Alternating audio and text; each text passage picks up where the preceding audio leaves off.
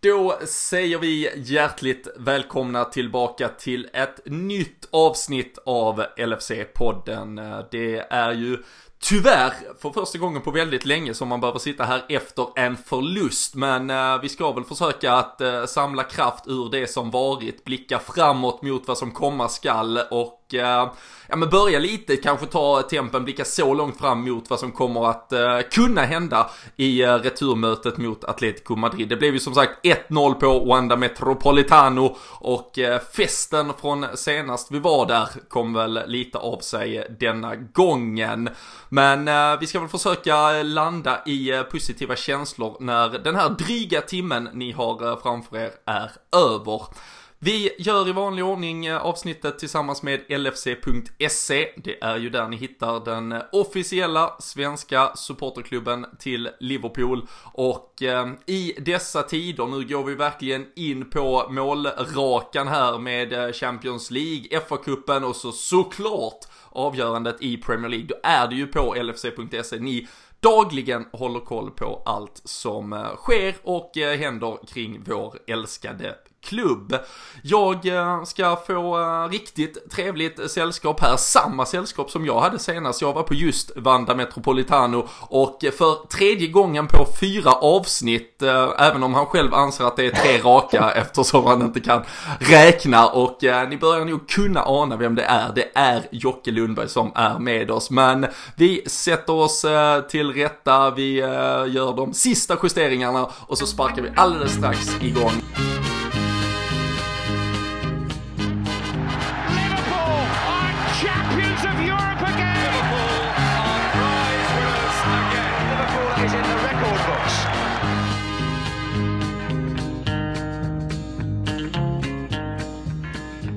Jajamensan, eh, han eh, presenterar sig själv med att eh, välta mikrofon och allt möjligt i stort sett. Man hörde att du var med redan i introt i alla fall. Men det är skönt att du är på hugget Jocke, men det behöver man ju vara efter den där jävla skitmatchen i tisdags.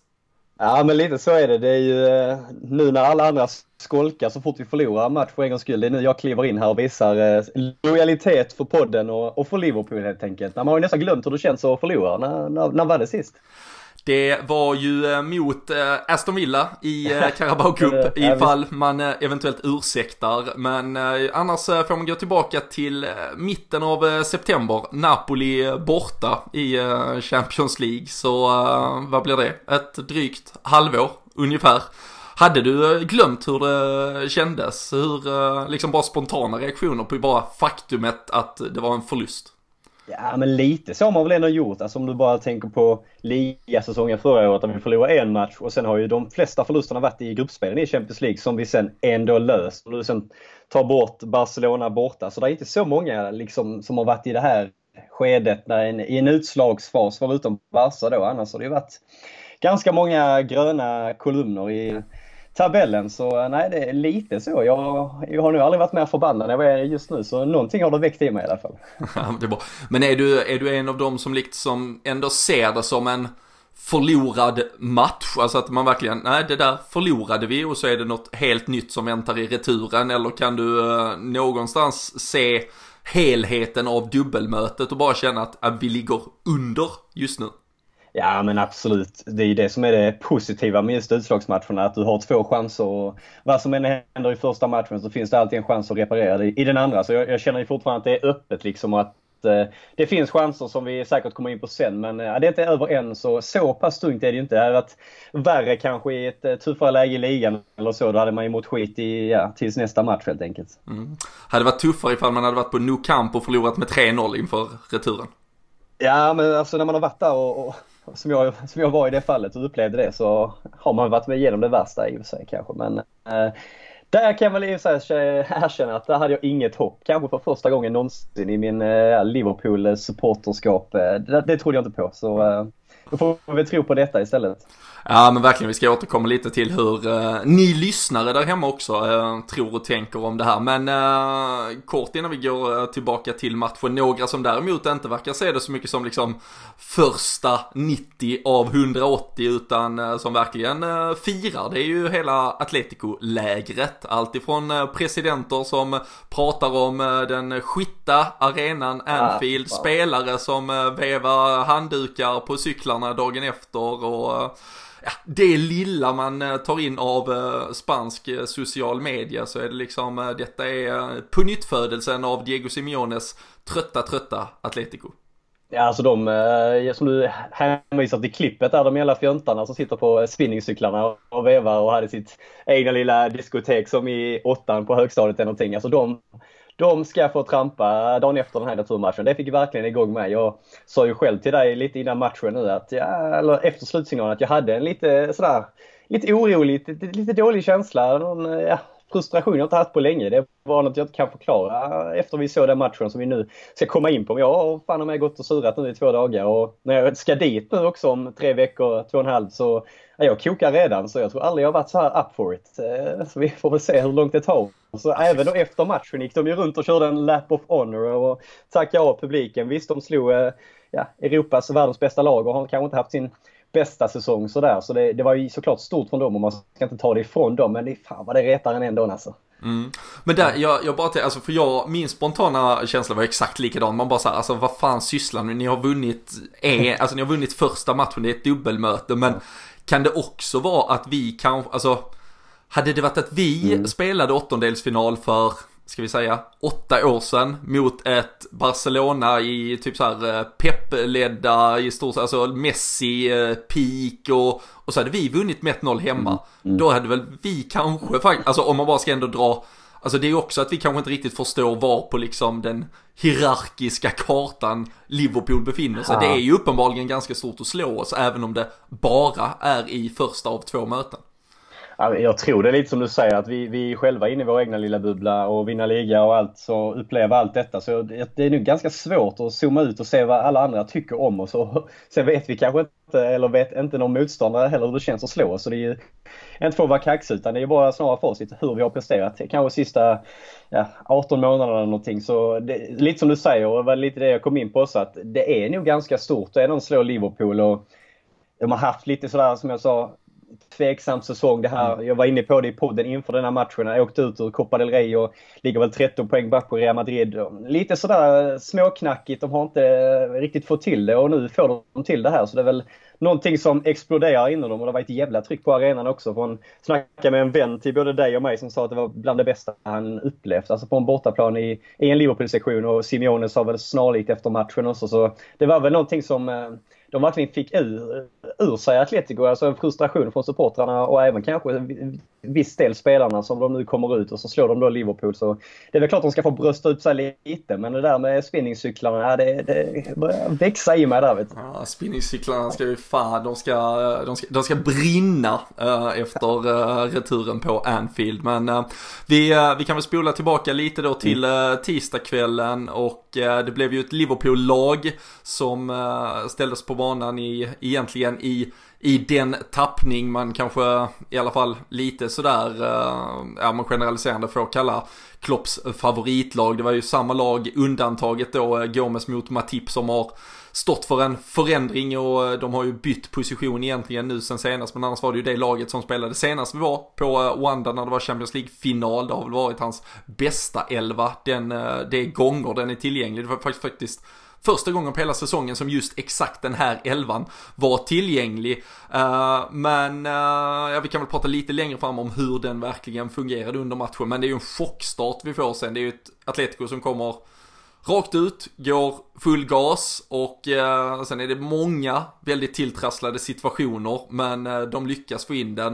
Eh, var det ett Liverpool som kanske inte riktigt var beredda på vad som hände där de första 5-10 minuterna?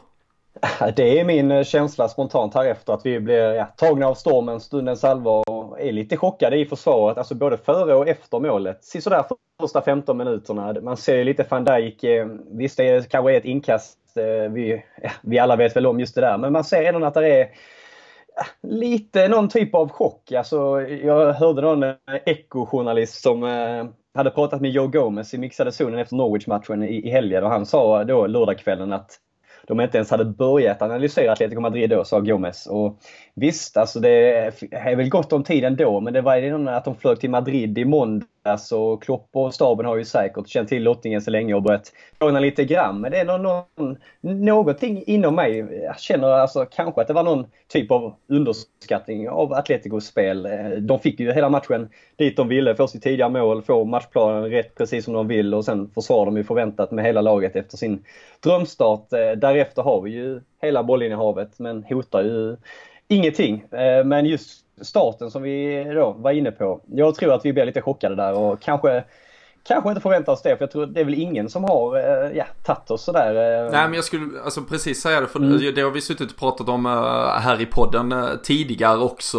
Jag tror det var efter West Ham-matchen till exempel. Vi har gjort det efter många, nu väntar ju också West Ham igen här på måndag. Men just det här med att väldigt många lag, alltså bara låter oss spela, de försvarar, de försvarar, de försvarar och så hoppas man kanske istället, ja och lite som Norwich gjorde sen att man hoppas, håller man nu 0-0 fram till 75-80, ja men då kanske man kan sätta igång sitt eget spel då för att försöka knycka en poäng, för man vet att skulle det varit ett lag i ligan som gjorde 1-0 efter fyra minuter, ja men då hade vi antagligen kunnat ha kraft och styrka till att bryta ner dem. Så det, det tjänar nästan inget till för ett lag i ligan numera att göra på det här sättet. Så de faller ju alltid i stort sett ner ganska djupt. Men uh, här känns det som att vi, exakt som du sa, vi blir ju överraskade av att, för vi vet ju också Alltså narrativet kring Atletico det är ju att de är defensivt eh, starka, strukturerade, organiserade, håller en hög energinivå i det de gör defensivt. Så jag tror även att Klopp och hela staben och laget som ställs ut på planen var ganska beredda på att ja, men de kommer ligga tight, kompakt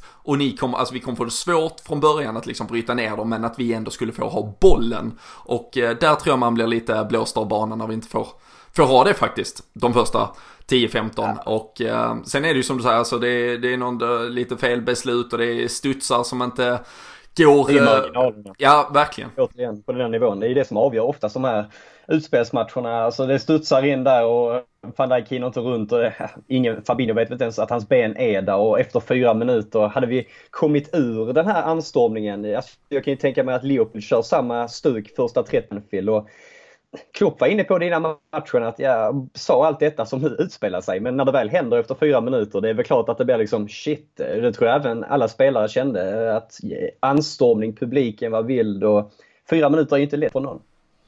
Nej, nej verkligen. Men uh, nej, det var uh, en uh, ändå uh, både säkert en mental käftsmäll på många mm. sätt där att få, få det underläget. Sen såklart vet man ju då med tanke på Atleticos eh, hemmafacit eh, eh, i, i framförallt då Europasammanhang där de är otroligt starka och brukar ju framförallt inte släppa till väldigt mycket bakåt. Så att det skulle vara en uppförsbacke och jag tror väldigt många av oss, ni, ni satt ju inför matchen och tippade, det var väl 1-0 och 1-1 och ja, resultat i den stilen och jag tror väldigt många trodde att det kanske skulle bli 0-0, 0-1, 1-1 någonting och att det inte skulle bli så otroligt mycket mer klang och jubel. Eh, och eh, även om ett Liverpool kanske äter sig lite delvis in i matchen, vi får ju verkligen eh, hålla boll, rulla boll, så måste man ju säga att spelmässigt så gör ju Atletico det väldigt, väldigt bra och där har ju väldigt många nu i efterhand framförallt pekat på den här 4-4-2 uppställningen de använder sig av. Det är ju samma uppställning som Carlo Ancelotti har använt i ett Napoli som vi har haft väldigt svårt mot de senaste åren när vi har mött dem. Eh, han har ju även satt den prägen på sitt Everton nu så vi får väl se om eh, det kan skaka om oss den 16 mars när det vankas möte där. Men ehm, hur tycker du om det där? Hur kände du med spelet? Var det liksom ja, vågskålarna, ett Atletico som gör det jävligt bra och ett Liverpool som inte riktigt kommer upp i 100% i kvalitet. Kan du, kan du någonstans alltså, göra den, en... Den är svår, jag har mycket att säga om det där faktiskt. För det, känns väl någonstans som att just den här nöten eh, Napoli-Atletico eller vad vi ska kalla den, det är väl just den som Klopp inte har knäckt än så länge i Liverpool. Alltså vi har blivit mycket bättre sista året framförallt att kunna spela olika sätt och finna vägar. Men just den här typen av spel har vi ja, inget riktigt svar på. Vi, vi blir ner, nedtryckta om man får säga så. Och sen kan vara att det blottas lite extra. För jag tycker ytterbackarna i sig har väldigt svårt och det blir stundtals bättre men de hade svårt att komma in i farliga lägen, svåra inspel och det ser, får ju mittfältet att se blekare ut. Eh, för det är ju fundamentalt att de jobbar och ytterbackarna kommer framåt för vår kreativitet. Och jag läste någon statistik på att Robertson fick in ett av sina fem inspel och Trent fick in tre på sina 17. De hade ju det svårt och de kom inte ens de runt för de spelar ju någon typ av, det var ju överallt ingenstans, det var ju fyra hårt arbetande mittfältare i Atletico mot våra tre. Då hjälpte de till med backarna och stängde ja, ytterbacksidorna för oss. Så det är väl just det som, det är en svår fråga för att Samtidigt, vi snackar lite om det, det här mittfältet som har gått till tre Europafinaler om du räknar in första Europa League-säsongen. Det är inte samma spelare alltid, men någonstans under Klopp, framförallt de två sista åren, så är det ändå de som har gjort det på framförallt hemmaplan. Men det ser annorlunda ut på bortaplan. Sen, får bara koppla till många skriker efter Naby Keita och jag håller nog med till i alla fall hemmamatcher. Men vi har ju sett jag tror att Klopps tanke med just en Keita i det här fallet var att vi har ju sett Keita förr i ligan på bortaplan bland annat. Jag tror det var något mot Burnley eller någonting som ringer i mitt huvud här i höstas. Att han, när han kommer där och hämtar boll så är det ofta att han inte har koll på vad som händer bakom sig i ryggen. Han har tappat bollen många gånger vet jag och suttit och surit framför TVn i farliga lägen på mittfältet. Och det var just det Atletico var så bra på att de hade ju folk som var två, tre gubbar som direkt var hög oss i ryggen. Och vann tillbaka bollen och var där störde. Så jag tror att just det kanske har varit någonting med att Keita inte startade den här. För att man har sett att han är lite, lite sådär rostig i de situationerna. Att man kanske inte ville sätta honom i den typen av situationer. Jag vet inte, vad känner du där om Keita? Du vet nu lite vad jag menar va? Att ja, men jag, alltså han kan jag... ha varit lite seg där och att så som de kom på så jag kan köpa det i en hemmamatch eller lite när vi ska gå lite mer på dem men här tror jag fan om inte det hade varit så där. Kanske Nej. senare i matchen men ja. Ja, nej alltså jag, jag tror, alltså man såg ju direkt, man, man visste ju så här om man går in på sociala medier eh, redan i paus egentligen, men även framförallt då efter matchen så visste man ju att det skulle skrikas om att, ja men var är våra kreativa mittfältare mm. och, det, och det saknas liksom att det, det händer någonting och så här. Jo, visst, eventuellt, men samtidigt så var det ju en backlinje som i stort sett helt neutraliserade Firmino. Han var ju inte med alls i, mm. liksom fick inte möjlighet att spela något länkspel med någon. Sala är väldigt, väldigt hårt hållen. Uh, nu är jag så otroligt dålig på namn, men uh, deras vänsterback uh, där, Renan Lodi. Nej, jag var andra sidan. Ja. Var ju uh, den som mm. var så nära på att få Mané utvisad. Mm. Det kan vi komma till sen. Men uh, Renan Lodi som, han var ju jävligt bra offensivt också men mm. defensivt så hade han ju full koll på Sala. Och jag, alltså för det första, jag var helt säker på att han skulle välja det mittfältet han valde. Jag, hade jag ställt ut det själv baserat på mina otroligt begränsade kunskaper så hade jag valt det också. Liksom, det är safety first, jag vet att det kommer att funka, jag vet att det har en lägstanivå som ändå är så pass hög. Som du säger, däremot kan man kanske få in en liten spets med både en Oxlade med en Keita, men du får också ett litet, litet större liksom utrymme för felmarginal vad gäller liksom eh, kvaliteten rakt igenom. Och det kan vi ju landa i lite längre fram, men 1-0 förlust verkade ju faktiskt inte heller som att alla var så jävla besvikna med, alltså om vi ser och vi ska prata om bytena som görs, approachen till det. Det är ju inte så att vi går hårdare och hårdare och hårdare och liksom trycker på med folk, trycker på med, alltså gör allt vad vi kan. Så det, det är ju såklart också en avvägning här och vi vet att Klopp fortfarande i sina, ja men fyra år men tre Europasäsonger hittills som han har fullgjort. Han har ju fortfarande aldrig förlorat ett dubbelmöte. Det är final i Europa League, det blev final i Champions League första året, det blev final andra året, vinst i den och eh, vi har ju tagit oss vidare nu då igen och eh, Ja, utgångsläget är, jag tror jag läste statistik på, det är väl en 43% om man bara hade, alltså som där 1-0 förlust borta ändå vänds till uh, att vi då som har hemmafavör vinner. Uh, tittar man på oddsättarna som då kan väga in även kvalitet och lite Anfield som ett uh, hemmaspöke och liksom allt det kan bidra till så, så har vi ju fortfarande fördelen uh, att gå vidare tycker jag och då är det ju lite, alltså jag, jag tycker det är svårt, alltså ja, Atletico gjorde det jävligt bra. Jag tror inte vi hade kunnat göra väldigt många små justeringar som hade gett ett väldigt mycket större, alltså, jag menar en större resultatskillnad egentligen. Nej, jag håller med, men återigen bara för att återkoppla till det här tidiga målet. Alltså de får, alltså de, många har sagt det innan, om Simeone låg där kvällen innan och drömde om perfekta matchen så var det väl just detta att få ett tidigt mål och sen bara kunna göra det de är så jävla bra på. Jag, jag, kanske känner lite att personligen att jag underskattade lite, om det nu är att man inte har sett dem eh, hela vägen framåt eh, sista åren. Men de vann ju ligan bara för 5-6 år sedan med det här spelsättet. De har varit i två Champions League-finaler tyck vad fan man vill, men de får ju resultat utifrån det. Och kollar man bara på deras hemmastatistik här i Champions League, det är alltså två insatta mål på 12 matcher. Och det är inte vem som helst som har kommit dit ja, Vicente Calderon eller Vandra Metropolitano under Simeone. Alltså det är, alla toppklubbarna har misslyckats flera gånger om att vinna där. Så jag kanske känner att jag underskattade lite och jag tror kanske att många där hemma också. Jag kollar inte La Liga varje dag. Vi är väl insnöade i vår Premier League-bubbla någonstans. Så att de får den perfekta matchen men jag tror att man underskattar just eh, det här som man kanske inte har sett eh, sista tiden eh, lika mycket som för 3-4 år sedan. Det här hårda Atletico. Vad känner du där? Nej men alltså så, så är det ju absolut. Uh, säkerligen det var, det var någon som, jag vet att jag sa efter lottningen att, att jag var jävligt nöjd och det var någon, mm. det, det, är ju alltid någon som liksom så här wait and see och så, och så kommer det en tweet en minut efter. Nu är du inte så nöjd med lottningen va?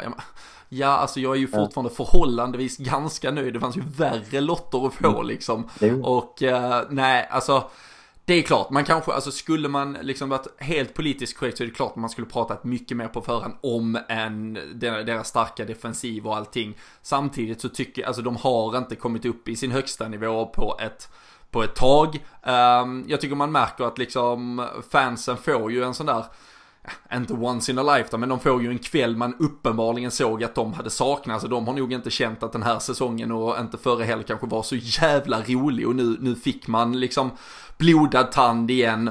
Med det där snabba målet framförallt, men även redan innan, alltså det, det, vet ju vi om någon, alltså när man har varit i situation där kanske, ja men ligan har inte varit, det har inte gått så bra men så har man plötsligt varit ute i Europa, alltså den kvällen det blir, alltså den möjligheten det ges. Och alla som liksom följde oss under en Rafa Benitez vet ju att liksom att, att frustrera motståndare på exakt det här sättet, det var ju ja, ett signum för oss för fan. Så alltså, de gör ju det helt rätt. Ehm, jag skrev ju, jag vet inte ens om det var i paus eller om det var efter matchen, vilket jävla dynggäng eh, de är liksom. Och, och det är ju inte, och det var ju såklart också liksom en jävla ett bete att kasta ut och där ska man ju passa sig och liksom då börjar få, ja för de är ju bättre än er. ja liksom, alltså dynge, det var ju, ja, i mitt huvud var det ju inte att de är dåliga men alltså det, det var ju så jävla, det var grisigt och det var mm. liksom personifierat av Simeon. Men alltså, det är klart det är fantastiskt och, och alla vägar till att vinna ska du ju liksom ta varenda jävla chans du får. Men eh, alltså det var ju verkligen, ja det var ju, det var ju cyniskt men uh, briljant och uh, det lyckades och uh, vi får ju gratulera dem till, till en 1-0 seger där. Men som sagt, jag tycker ju fortfarande att vi har Stor fördel inför detta. Det är en annan, det kommer bli en annan match på Anfield och Eh, de hade ju 2-0 bland annat mot Juventus eh, förra året efter hemmamötet och åkte ändå ur. Så eh, nej, de, de ska nog vara medvetna om att bortamatchen kan bli lite tuffare i, i alla fall. Och för att ändå hålla kvar på det där cyniska spåret så kan man väl prata lite om, vi nämnde ju Versalco och Sadio Mané som var i luven på varandra två gånger om där Mané var ja, lite högt uppe med armarna. Och Eh, det är väl egentligen så att båda är lite Alltså det är inte två helgula kort tycker jag så att eh, ja, totalbedömningen med ett gult kort efter båda är väl ganska rätt. Men uh, hur mycket tror du det var som Klopp sa sen efter matchen att han plockades ut på grund av att han låg så nära en utvisning eller eh, kan det varit att man bara kände att han inte kom in i matchen och att han inte ja men riktigt fick fart på grejen? Ja, alltså, jag, jag, någonstans så här i efterhand, men även där och då i halvlek så kände jag nog ändå att det var rätt att ta ut honom. För att han kan ha lite sådana grejer i sig man är. Vi har sett det ibland. Några gånger tidigare fick vi någon utvisning där när han har foten högt mot Ederson. Tyck vad man vill om det, men alltså han har ju satt sig i vissa sådana situationer ibland och jag, jag köper det för att i sig tyckte jag kanske inte domaren var så jävla usel. Det var med att han föll för hemmapubliken och, och ja, fusket eller vad du vill kalla det sättet Atletico la sig på gräsmattan hela tiden. Men uh, han gör inte så många alltså, feldomslut eh, på den grova nivån utan det är snarare att han jag kan väl se han delar ut ett eh, ja, gult kort till till Mané för Mané har någon gång till där innan. Det, det är ju en ja, fjuntig armbåge man får säga så.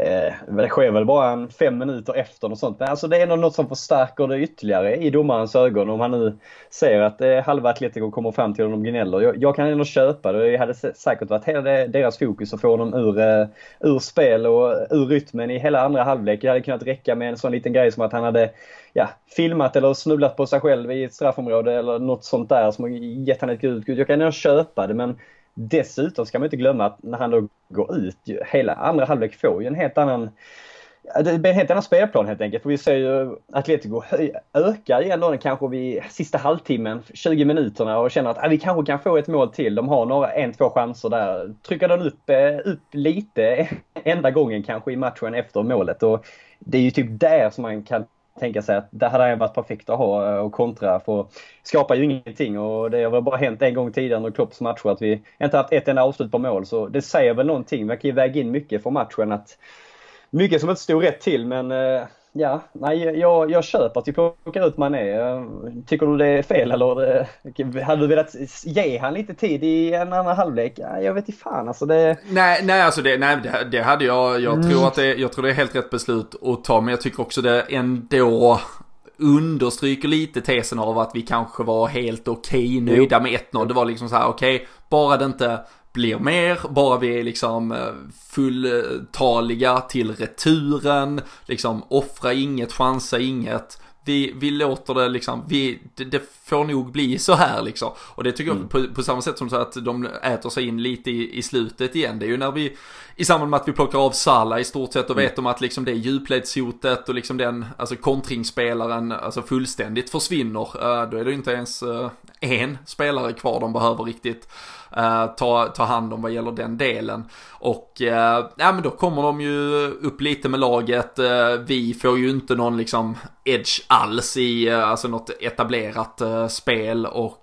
ja men jag tycker egentligen inte något byte alls ger någonting. Uh, alltså det är det, Origi kommer in och spelar en hel halvlek så att säga och det ja. märks knappt att han uh, var på planen. Uh, så, ja, han, han, var ju helt okej. Okay. Alltså i början då tycker man ändå att han hade lite i sig. Så tog det fem minuter och sen lärde de, lärde de sig honom liksom. Hade koll på honom. Så ja men han fick ju vända, han fick vända tillbaka ja. hela tiden och sen så sagt så låg de ju eftersom, alltså eftersom de ligger då med sin 4-4-2 uppställning så var det ju liksom inte, det var aldrig yta heller att liksom ge den riktigt till Robert alltså då var de redan där och då kan leta sig in på, in i mitten igen och uh, där tycker jag framförallt, uh, vad heter han, Thomas Partey, mm. uh, var, han var ju fenomenal, alltså han bröt ju i stort sett allt där inne. Och eh, sen tycker jag också för att återknyta till, vi pratar startuppställning och att den här kanske var väldigt väntad och att eh, den också någonstans är kanske den föredragna uppställningen av Klopp. Men eh, jag tycker man märker att Fabinho har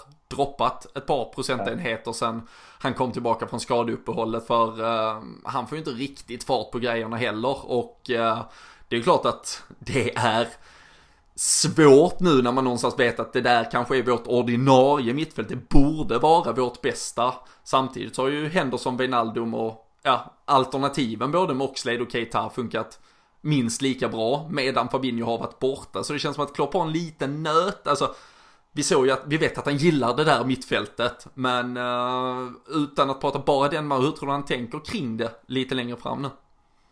Äh, returen eller framförallt Ja men för generellt med tanke på att han mm. kanske ändå Han vet väl att det där mittfältet som spelade nu senast är, är ska vara det bästa Men uh, hur mycket ska man väga in vad som faktiskt är dagsforms bästa istället? Ja, som du säger, just Fabinho eh, ser ut som han har en eller två växlar till nå tillbaka till hur han var innan skadan. Eh, just hans typ av ja, öppnande passar och sånt hade varit perfekt och jag tycker det är det vi saknar bland annat. Att vi inte kommer med i djupled och sånt. Men Han får inte lov att göra det. De är på honom direkt och hugger. Så tror det var en chock även för honom. Sen Wijnaldum uträttar inte så mycket heller. Om, man, om vi ska kritisera honom lite grann. Det händer inte så mycket. Jag vet inte vad han bidrar med egentligen. Så jag tycker nog ändå att man får fortsätta med det här mittfältet. Nu har ju Henderson åkt på en skada så det ändrar ju förutsättningarna men jag menar, vad skulle du gjort egentligen? Milner har precis kommit tillbaka från skada. Som jag sa om Keita, jag tror inte det hade varit rätt match för honom. Oxlade kommer in. som Divock, de lärde sig honom också. Det, men det, det, är så svårt att dra för stora växlar också eftersom då Mané går ut och sen går ju Salah ut. Alltså, mm, ja, det är inte... Även om det var vårt bästa lag på pappret enligt oss och kanske många från start så ändras ju laget så mycket under matchen så det är svårt att dra någon jätteslutsats ändå tycker jag utifrån hur vissa av spelarna som ja, var, var på första elvan från början skulle starta som ändå utgår sen så Ja, det blir en lite annan spelplan. Men jag tycker absolut vi ska fortsätta spela det här mittfältet. Eh, möjligen då att Keita går in i eh, hemmamatcherna. Vi måste attackera lite mer om nu Henderson, eh, som det sägs, kanske är borta ett litet tag. Mm. Eh, inte, vad, vad känner du där? Är det, är det någon 4-2-3-1 eller? Eh, ja, nej, nej, alltså jag tycker inte vi, eh, alltså jag tycker inte det ska, vi ska göra några större, större förändringar egentligen. Alltså jag, jag tror det laget har liksom både mm. lägsta och högsta nivån för att kunna vara laget som om vi skulle ställa ut exakt samma lag så kan det vara laget som, eh, som vänder på steken mot Atletico. Det, det här kommer säkert vara ett lag som vi kommer att spela i väldigt många av de väldigt viktiga matcherna som eh, ska avsluta den här säsongen. Men... Samtidigt, eh, samtidigt är det just typ mittfältet som sen har vunnit mot ett Napoli hemma eller vunnit med 3-2 mot PSG hemma eller slagit Barcelona med 4-0 hemma. Så de har gjort det sen på hemmaplan. Så ja. jag vet inte om det är bortafebern i dem eller vad det är. Nej men alltså och det åter, alltså som sagt vi, vi har ju inte riktigt och det måste ju också handla om uh, alltså taktisk uh, alltså mm. dis, disponering och vilka liksom startpositioner vi har och vad, vad liksom approachen exakt ska vara till att sätta både första och andra press och både första och andra bollar också liksom vilka ytor vi ska jobba på för vi har ju inte alltså, visst, Roma borta blir lite unik med tanke på vad vi mm. hade för utgångsläge hemma men där var vi ju väldigt svaga borta och du hade Barcelona-matchen eh, borta. Den röda stjärnan är ja. också en sån som du ska ta det. Alltså med, ja, och, och Napoli, PSG, det var hela det gruppspel. Så, så det har ju varit, jag tror det är sju av de elva senaste bortamatcherna eller något sånt vi, vi faktiskt har förlorat uh, i, i Europa. Och uh, för ett lag som typ behöver gå tillbaka kanske tre, fyra, ja, tre inhemska säsonger för att hitta sju förluster än så, så är det ju såklart extremt. Men, men det betonar väl också, det understryker väl igen det här med att vi ser det mycket mer som ett dubbelmöte än vad kanske liksom gemene fan och eh, liksom så här bara supporter som tittar på uh, i 90 minuter gör. Uh, jag, jag, tror uh, Klopp är, är, ganska nöjd med hur situationen till slut blev och ska man tro våra lyssnare också så är ju de flesta ganska nöjda. Vi slängde ut frågan i förmiddags här ifall hur man förhåller sig nu till 1-0 förlusten när man har fått eh, tugga på den lite. Um, drygt 9% som är riktigt eh, pessimistiska. De tror det, tyckte det var piss. Uh, det blir riktigt svårt nu i returen. Ehm, 40% är väl eh, kanske då de eh, där som verkligen slaviskt följer vad statistiken säger. För de tror det är helt öppet, 50-50 i returen. Medan drygt 50% känner, att men Nemas problem, vi löser detta. Ehm, du ska ju som sagt dit, det är ju en faktor de här lyssnarna inte fick förhålla sig till. Det hade väl varit eh, helt omvänt då när man vet eh, hur usla insatser du har kunnat stå för. Ja, fan, på... vunnit som tre raka pokal. ja, men på, det är fortfarande, Anfield har vi fortfarande, vi får diskutera det sen hur fan det ser ut med det där äh, egentligen. Men, nej, äh, men äh, om du bara gnuggar mm. språkkulan lite för vad som händer ungefär om tre veckor fram. blir det en, blir det en klassisk, classic night på Anfield och en vändning? Alltså, den största besvikelsen är väl egentligen bara att vi inte kommer hem med ett bortamål och det är väl just det som gör mig lite halvt orolig att om de lyckas få in en boll på en hörna eller något sånt, då måste vi göra tre. Men jag tror vi har, har det i oss också. Men just Atletico släpper ju inte in tre mål sådär lätt. Det är, eh, det är just det, hålla tätt bakåt. De tillbaka lite spelare till returen. Jao Felix bland annat som kan vara tuff och tufft att ha där på kontringen när vi jagar mål men jag är helt säker på att vi första 2030 kommer det brinna och taket kommer lyfta upp eh, till månen på Anfield. Det kommer vara, det kommer vara stämningsmässigt i alla fall en klassisk sån där kväll och vi kommer forcera för att få in ett mål första 2030 och jag, jag har svårt att se dem kunna stå emot det där för även hur mycket president ville inspektera och Simeone ville hylla Vanda Metropolitan och sånt så är det något helt annat att komma till Anfield när vi eh, är taggade och måste vända på det. Jag tror det frustrerar många i Liverpool-truppen e- efter matchen att se det här också. Ehm, jag tänker på Robertson bland annat eh, och även van Dijk. Ehm, när de ser det här, hur de firar och sånt. Jag tror ju att eh, en gång okej, okay, men eh, de kommer inte göra det igen. Sen hur, om det räcker eller inte, men absolut vi kommer gå och köra över dem. Så nej, det blir ännu en sån kväll. Men sen beror det på lite. Jag är ganska säker på att Atletico Madrid kommer just döda rytmen och försöka lugna ner det. Att de kör en liten Mourinhos Chelsea 2014 och fuska och dona. Men då är det ju våra bollkallar och allt där till så jag tror inte de kommer tillåtas göra det så mycket heller. Ja, men senast vi spelade en avgörande match eh, mm. på, på Anfield i Champions League-sammanhang så, så var ju bollkallarna rätt eh, skötsamma. Så eh, mm. det, det, vet ju både Trent Alexander-Arnold och Divock Origi om inte annat.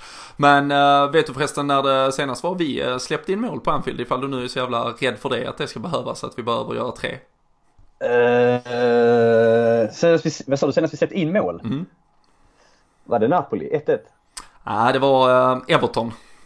Jaha, du räknar allting? Ja, men allting. Ja. Allting. Så vi har inte släppt in ah, mål okay. på Anfield sedan 4 eh, december. Så uh, vi, uh, sju uh, raka sedan dess tror jag, utan insläppt mål. Så 1-0 tar vi det vidare på. Så, jag har en annan om vi ska väga upp det här lite med 3-1 och så vidare. Att det kan du den då? Senast vi misslyckas med att göra mål på hemmaplan? I uh, alla turneringar? Allting. allting. På hemmaplan då alltså? Ja, på hemmaplan då snabbspolar vi tillbaka senast vi uh, inte inte vann på hemmaplan, men det var less... Vi åkte ju till eh, Allianz Arena och vann med 3 Ah, ah okej, okay.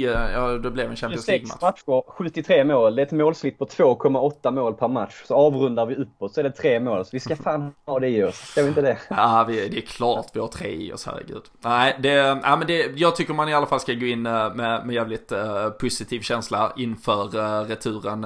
Allt kan hända på hemmaplan. Och äh, det kommer vara som du säger, både fans äh, känns det ju verkligen som att äh, de kommer ta med lite tändvätska från liksom efterspelet här och kanske attityden och det är ju liksom äh, det vackra och det liksom äh, egentligen lite sådär äh, hetska med en, en sån äh, tränare som Simeone. Och det är ju såklart många ja. som kan ha känt likadant med Klopp genom åren. Det vet man att man, nu vill man sätta dit den jäveln typ. Och, och det kommer ju jag tror att det kommer eh, liksom eh, märkas lite på läktarna och det Sen, kommer eh, spelas Jag av. tror också, om du ska jämföra bara med Barcelona-matchen, där var det väl många som kände ja, vi är Liverpool och vi gjort det förr. Men det var ändå någonstans övervägande att ah, ja, det är fan Barcelona. Jag tror snarare att det var mer en chock och det, och det var det ju också. Och nu är det snarare att nu är alla så jävla förbannade. De ska fan inte komma hit och skicka ut oss. Vi ska gå vidare återigen. Jag tror det är en helt annan approach. Att det är ännu mer liksom, du fattar vad jag menar på Anfield att det är mer eh, liksom frustration och nu jävlar än Barcelona någonstans. Visst matchen blir som den blev, tidigt 1-0 mål och så vidare. Men någonstans var det 3-0. Och ja, det här är bara 1-0 och efter det här vi såg så tror jag det kommer att koka. Ja, kanske inte som Barcelona såklart. Men eh, jag tror det är en helt annan äh, aggressivitet. Förstår mm. du vad jag menar? Ja men verkligen. Och jag, nej, men jag, jag är helt övertygad om att vi, vi får i alla fall se en helt, alltså matchbilden blir säkerligen densamma. Mm. Det var ju redan ett Liverpool som hade typ 70% eh, av bollen långa stunder. Men jag tror att vi kommer få se ett Liverpool som gör allting med en helt annan energi, mm. en helt annan fart. Mm. Det kommer vara ja, mycket liksom snabbare fötter och liksom rappare tankar på, på alla spelare egentligen. Och eh, det är ju också som så att, eh, och jag tycker man märkte det, alltså, li, alltså jag fick känslan, och här får ju du eh, liksom stämma in i vad du, eh, hur du kände och upplevde det, men även direkt efter matchen, som du sa, både Robertson och van Dijk till exempel blev ju intervjuade efteråt, även hur spelarna har kommunicerat efteråt. Det var ju mycket så här, mm. ja men nu har vi ett jobb att göra i, i Premier League, vi ska tillbaka dit där, för de matcherna spelade, och sen kommer returen. Sen såklart började de ju prata upp att ja, där kan allting hända och vi har Anfield i ryggen och sådär. Men jag, jag har har en känsla av att det också ligger någonting med de här ligamatcherna som väntar. Även om alla andra tycker att ligan är avgjord. Det, blir, det är 22 poängs liksom, marginal ner till City efter deras seger igår. Men alltså spelarna, det känns som att de så jävla uttalat har målet vinna li, alltså det är liksom prio 1, 2, 3 och 4. Mm. Så Alltså det är klart att när de går ut till Champions League-hymnen och på en arena där de har en Champions League så är det klart som fan att de är taggade så in i helvete. Men det känns, alltså jag hade känslan i alla fall att det saknades liksom en sista procents tändning för att liksom att Champions League-matchen just där på tisdagen var det viktigaste i deras liv. För det tyckte jag ändå var lite känslan att det faktiskt fanns ett större mål som handlar om en inhemsk ligatitel som fortfarande ligger lite, lite som ett tunt lager över allt annat som sker just nu. Ja, men jag, jag kan förstå vad du menar någonstans blir det ju också den här truppen, eller det här laget. Eh, visst, de kan bli ihågkomna för att de vann massa titlar eller vad nu som kan hända. Men de kommer ju framförallt bli ihågkomna att det var det första laget som vann ligan efter 30 år eh, för Liverpool. I mina ögon i alla fall. Bara det är ju väger ju mer än eh, om de sen skulle vinna två Champions League och sånt. Det kommer alltid, enligt mig, vara de som gjorde det för 30 år som jag kommer symbolisera. Och, ja, se dem som, eh, så jag, jag, kan förstå vad du menar och många har varit inne på det också om att, att Salah gick ut, att det, det ska vara liksom ett mer långsiktigt val, att han kanske har hört någonting, eh, att någon medicinsk eh, nisse har varit inne hos Klopp och sagt att han har 70 minuter i sig nu med tanke på ja, Norwich-matchen och så dugade tätt, det kommer en match till, bla bla bla. Om du vill ha han fräsch hela tiden, gör så här. Många har varit inne på det och jag kan väl ändå känna, om du väger ihop allt detta, att vi kanske var nöjda som du säger med ta det 1-0 och sen försöka eh, vända det på Anfield som vi alltid, eh, ja, oftast lyckas med. Så eh, nej, jag förstår vad du menar. Men vad känner du där? Om du tänker tillbaka på det här laget, är det liksom fina, fina Liverpool som vann lite titlar eller är det som jag säger och känner att de som gjorde det efter 30 år? Ja men nej så kommer det ju vara. Alltså de kommer mm. alltid vara förknippade. Alltså jag vet ni pratade om det senast vi har pratat om tidigare. Det här med liksom om man får vara invincible eller om man får en Champions League-buckla. Ja men alltså det är så här, ligger båda sakerna framför mig och jag får välja en. Ja men då nyper jag väl Champions League-bucklan om jag ändå får mm. vinna Premier League också. Men samtidigt, alltså jag, jag tror inte vi kan räkna bort att spelarna har inte räknat hem det här ligaguldet. Alltså det är klart, de säger det utåt men alltså det är klart att det finns en, alltså vet du att du själv ska göra, alltså det är som om du själv ska göra ett ja, men ett uh, prov eller du ska göra ett jobb fast att du vet att du är svinbra på det och du vet att du, mm. du kommer ju klara det för du gör det ju 99,9% av, ja det är klart att det kan finnas en anspänning och du vill få det gjort. Alltså det vet man ju att mm. det är ju först när man har gjort det man fullständigt slappnar av. Och, och så tror jag de här spelarna känner och liksom de, de vill vinna ligan innan de liksom kanske fullt ut fokuserar på något annat och eh, ja, både de och vi vill väl just minnas dem för mm. att de liksom var, var laget som tog oss tillbaka och liksom tog den där jävla titeln efter 30 år. Så ja, jag tror i alla fall att det, det fanns en del små faktorer i det som kan ha spelat in och ehm, nej, äh, vi kan väl bara landa i att äh, returen kommer bli något äh, helt annat och äh, det kan ju också vara i samma vecka som eh, ett äh, ligaguld eventuellt äh, bärgas. Det är väl i alla fall önskedrömmen när, när Everton väntar på Goodson Park några dagar senare. Det hade ju kunnat bli en, en helt okej vecka för dig Jocke. Klämmer båda de matcherna. Ja, det, det, är väl det man finns här för att göra, avgöra i sista minuten höll jag på att säga. Nej men det du säger det understryker ju hela din teori eller spekulation. Eh, det, det är ju typ då det skulle kunna ske. Alltså Crystal Palace, bla bla bla, vi vet alla 21 mars eller vad det nu är. Så det, allting eh, har ju någon typ av, allt, alla, alla bitar faller på plats för att det här skulle typ kunna stämma. Att, uh, nej, jag håller med dig där faktiskt. Ja, nej.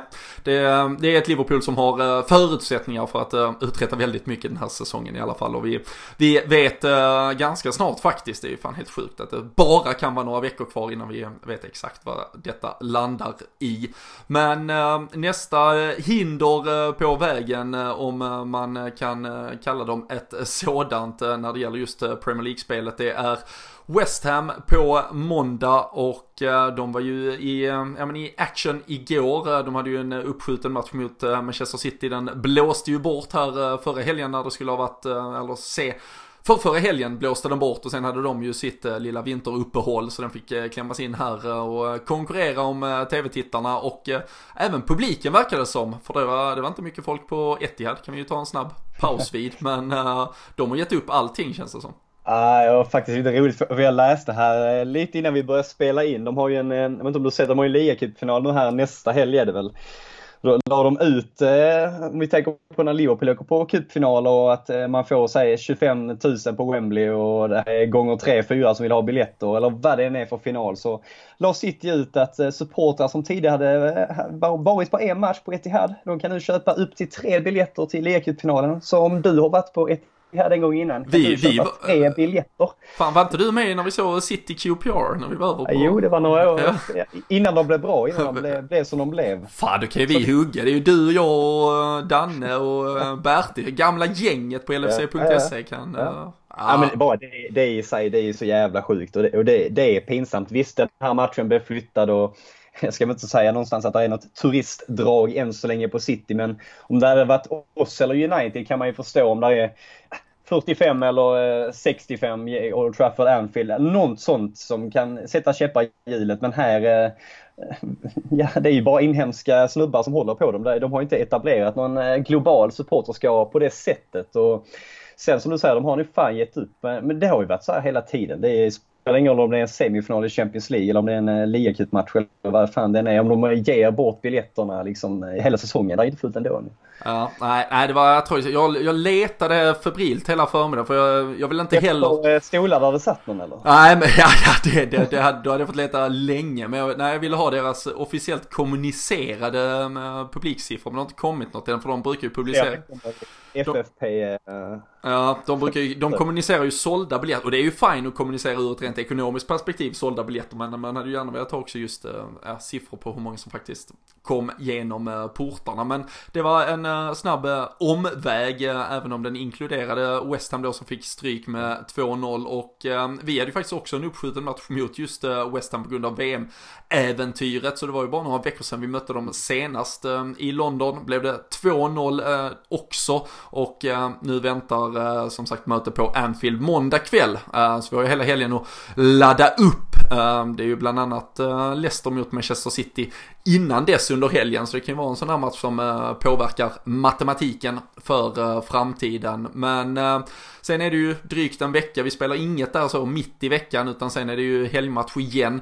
Så utöver Jordan Henderson som du nämnde Jocke, han gick ut med känning i en hamstring. Vi har inte fått något bekräftat och konfirmerat sådär men Klopp pratar om att de förhoppningsvis i alla fall lyckades ta så att säga av honom i tid och då kanske det bara behövs en vecka eller två. Men eh, annars är det väl bara att gå bästa laget, vilket det nu är och eh, mm. det kan du försöka sätta lite namn på men eh, det är ju ingen som ska behöva vila i alla fall. Nej, det, det beror ju på skavanker och andra möjliga känningar från matchen här nu. Men jag tror det blir samma elva att då Keita kommer in och ersätter Henderson. Och om man nu vill testa lite med han, det är en hemmamatch och det är ett lag han skulle kunna passa mot. West Ham är ju urusla han sin fembackslinje igår. Nej, om det bara blir 2-0, alltså bara han, Ogbonna, alltså kolla på han. Alltså det, det, det är, nej, jag sa ju till dig, de, de åker. De måste ha ett hemskt eh, spelschema. Alltså det... Ogbonna måste ju ha mest självmålsaura av alla spelare i jag vet inte om du såg det när han drog ner Agüero i straffområdet. Det blev ju ingenting men alltså bara, det är som, inte, Mamadou Sakho-vibbar i honom. Man kan hitta på vad fan som helst. Eh, ja men de åker West Ham och det är fan dags för ett statement här efter matchen nu i Madrid. Folk har ju börjat kanske inte i Liverpool-läger, men många har ju börjat höja röster. Eh, Liverpool, Liverpool, är de på riktigt och nu har de förlorat och nu har det börjat där och bla bla bla. Nej, 5-0. 5-0, det, ja. det låter ju taget. Det, det var ju en Sadio Mané som saknades eh, senast, det, det, när vi mötte West Ham. Det, det vet alla som hade honom som uh, triple captain i ja, du fantasy. mig fan är.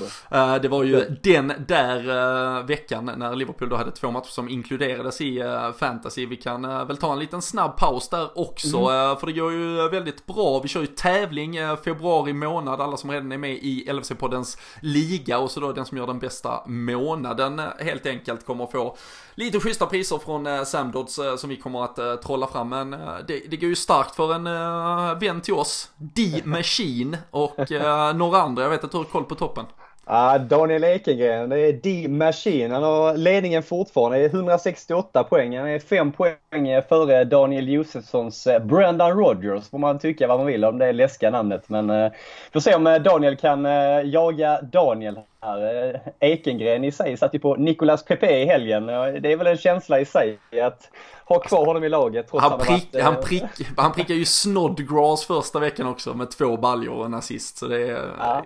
sjukt. Sen, det, det, måste vara från när vi var i Kiev med honom, Champions League-finalen. Ja, det var den dagen, dagen efter när du åkte hem när han satt kvar med mig och farsan och lärde sig lite om fantasylivet. Det måste ju vara det. Ja, för vet du vad, jag är någon på 28 plats, bäst i poddpanelen med 140 pinnar så jag hittar inte andra. Det har jag sagt många gånger förr här i, i podden. Ja, vi ligger och lurar jag... i vassen. Jag, jag har ja, dragit... Vill du, veta, vill du veta någonting? Jag ska ja. faktiskt breaka det här nu. Jag har gjort ett eh, cheeky byte för att prata Daniel Forsell-ord i helgen. Vem tror du det kan vara? Jag tänkte hålla det för mig själv men det är nog läge att breaka det nu när vännen eh, sitter här. Eh, en mittfältare. Eh, Ja men då får du, säga, du, får, du får säga vem du har tagit ut så att jag vet ungefär vilken prisklass. Herregud, det har ju städats bort. Eh, Hayden från Newcastle har åkt. Eh, Rickarlison har åkt för tufft schema. Eh, en snarlik Rickarlison-kaliberpris. Eh, ja, ja men då är, då är det Lucas Mora som spelar på topp. Bruno Fernandes som har klivit in. Ja, fy fan vad vidrigt. Det är så jävla ruttet.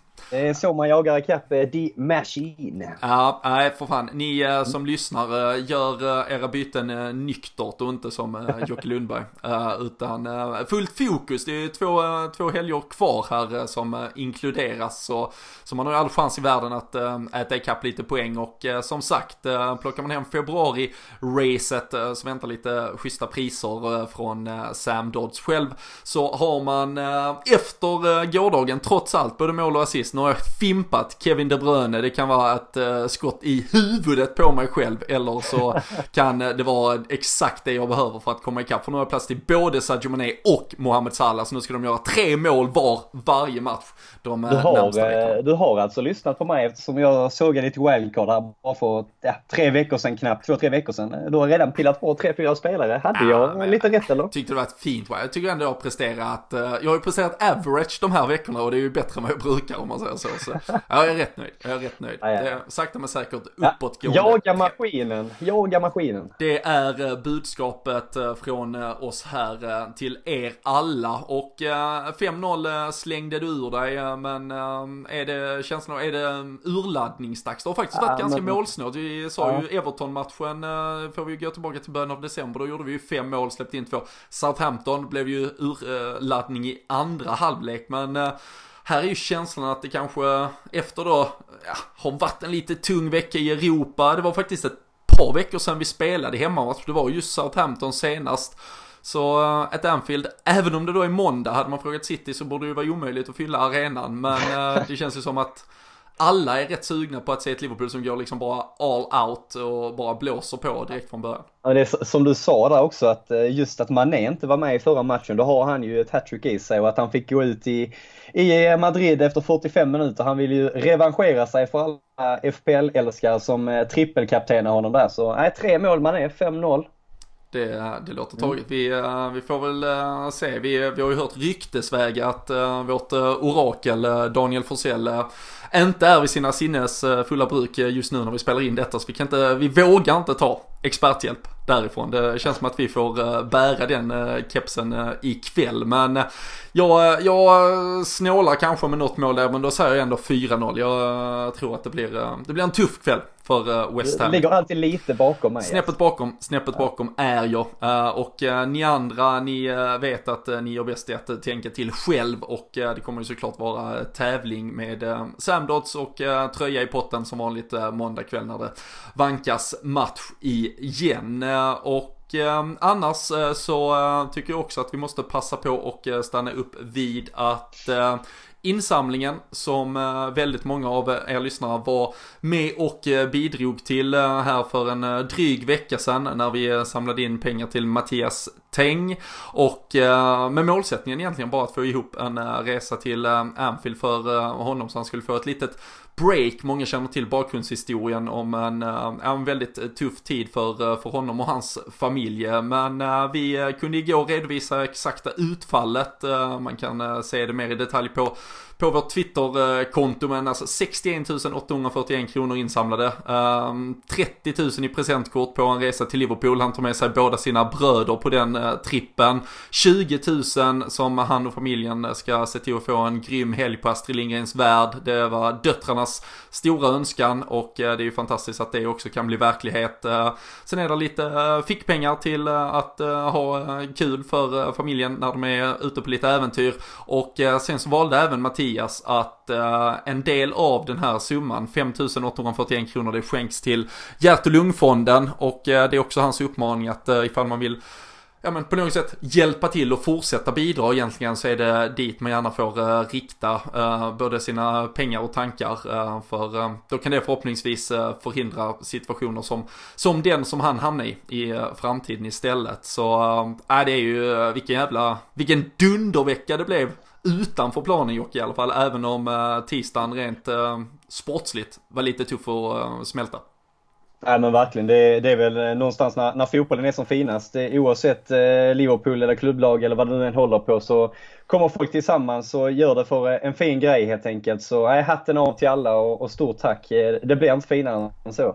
Så eh, är det. Eh, några avslutande ord eh, eller känner vi att vi har liksom tuggat ner Atletico och gjort dem till tillräckligt små hinder inför returen? Det är bara att det ska brinna tappar om tre veckor. Jag är så jävla taggad och jag hoppas väl kunna återkomma efter matchen när jag varit där. För då sticker vi in en liten podd där mellan den och, och Everton borta som vi, du, jag och Danne ska på. Så Nej, som du sa, det har alla möjligheter för att bli en fantastisk vecka i Liverpool-böckerna och det, det ska det fan med bli också. Ja, nej, den, den har något uh, stort i sig, verkligen. Det, det vore ju sjukt ifall vi hör din uh, röst innan dess. Då, då måste vi ju fan börja kontrollera att du verkligen ja. sköter ditt liv vid sidan av. när du ungefär klämt en, en, en års produktivitet här på, ja. på bara några veckor med, med tre starka insatser. Nu är jag fan klar. Ja, verkligen. Nu får du slipa på ditt uh, fantasybygge istället och uh, det får väl de där hemma och jag eventuellt också uh, se till att göra. Men vi tackar för att ni har lyssnat. Det är ett förbannat nöje att alltid ha er med oss och när vi dessutom kan åstadkomma sådana saker som den här insamlingen till exempel vid eh, sidan av planen så eh, visar det ju verkligen på styrkan vi alla har tillsammans. Eh, tycker man att eh, LFC-podden är en eh, jävla trevlig vän att ha eh, på eh, sin Liverpool-resa och eh, egentligen i hela sitt supporterskap, då kan man ju också gå in på patreon.com och och eh, ja, slash LFC-podden så hittar ni helt rätt. Kan man donera två dollar i månaden så eh, kan vi eh, fortsätta för, förbättra och uh, göra mm, ytterligare episoder, uh, muta Jocke att vara med lite då och då och uh, annat härligt. Så nej, gillar ni LFC-podden, surfa in på patreon.com slash LFC-podden. Annars så vet ni att ni alltid hittar senaste nytt vad gäller Liverpool på LFC.se och vill ni bara vara med i diskussioner, tröjtävlingar och annat kul kul, ja men då är vi ju igång på Twitter, eh, ja men hela tiden egentligen. Så vi ses och hörs där, ta hand om er tills eh, vi hörs nästa gång ha det gott!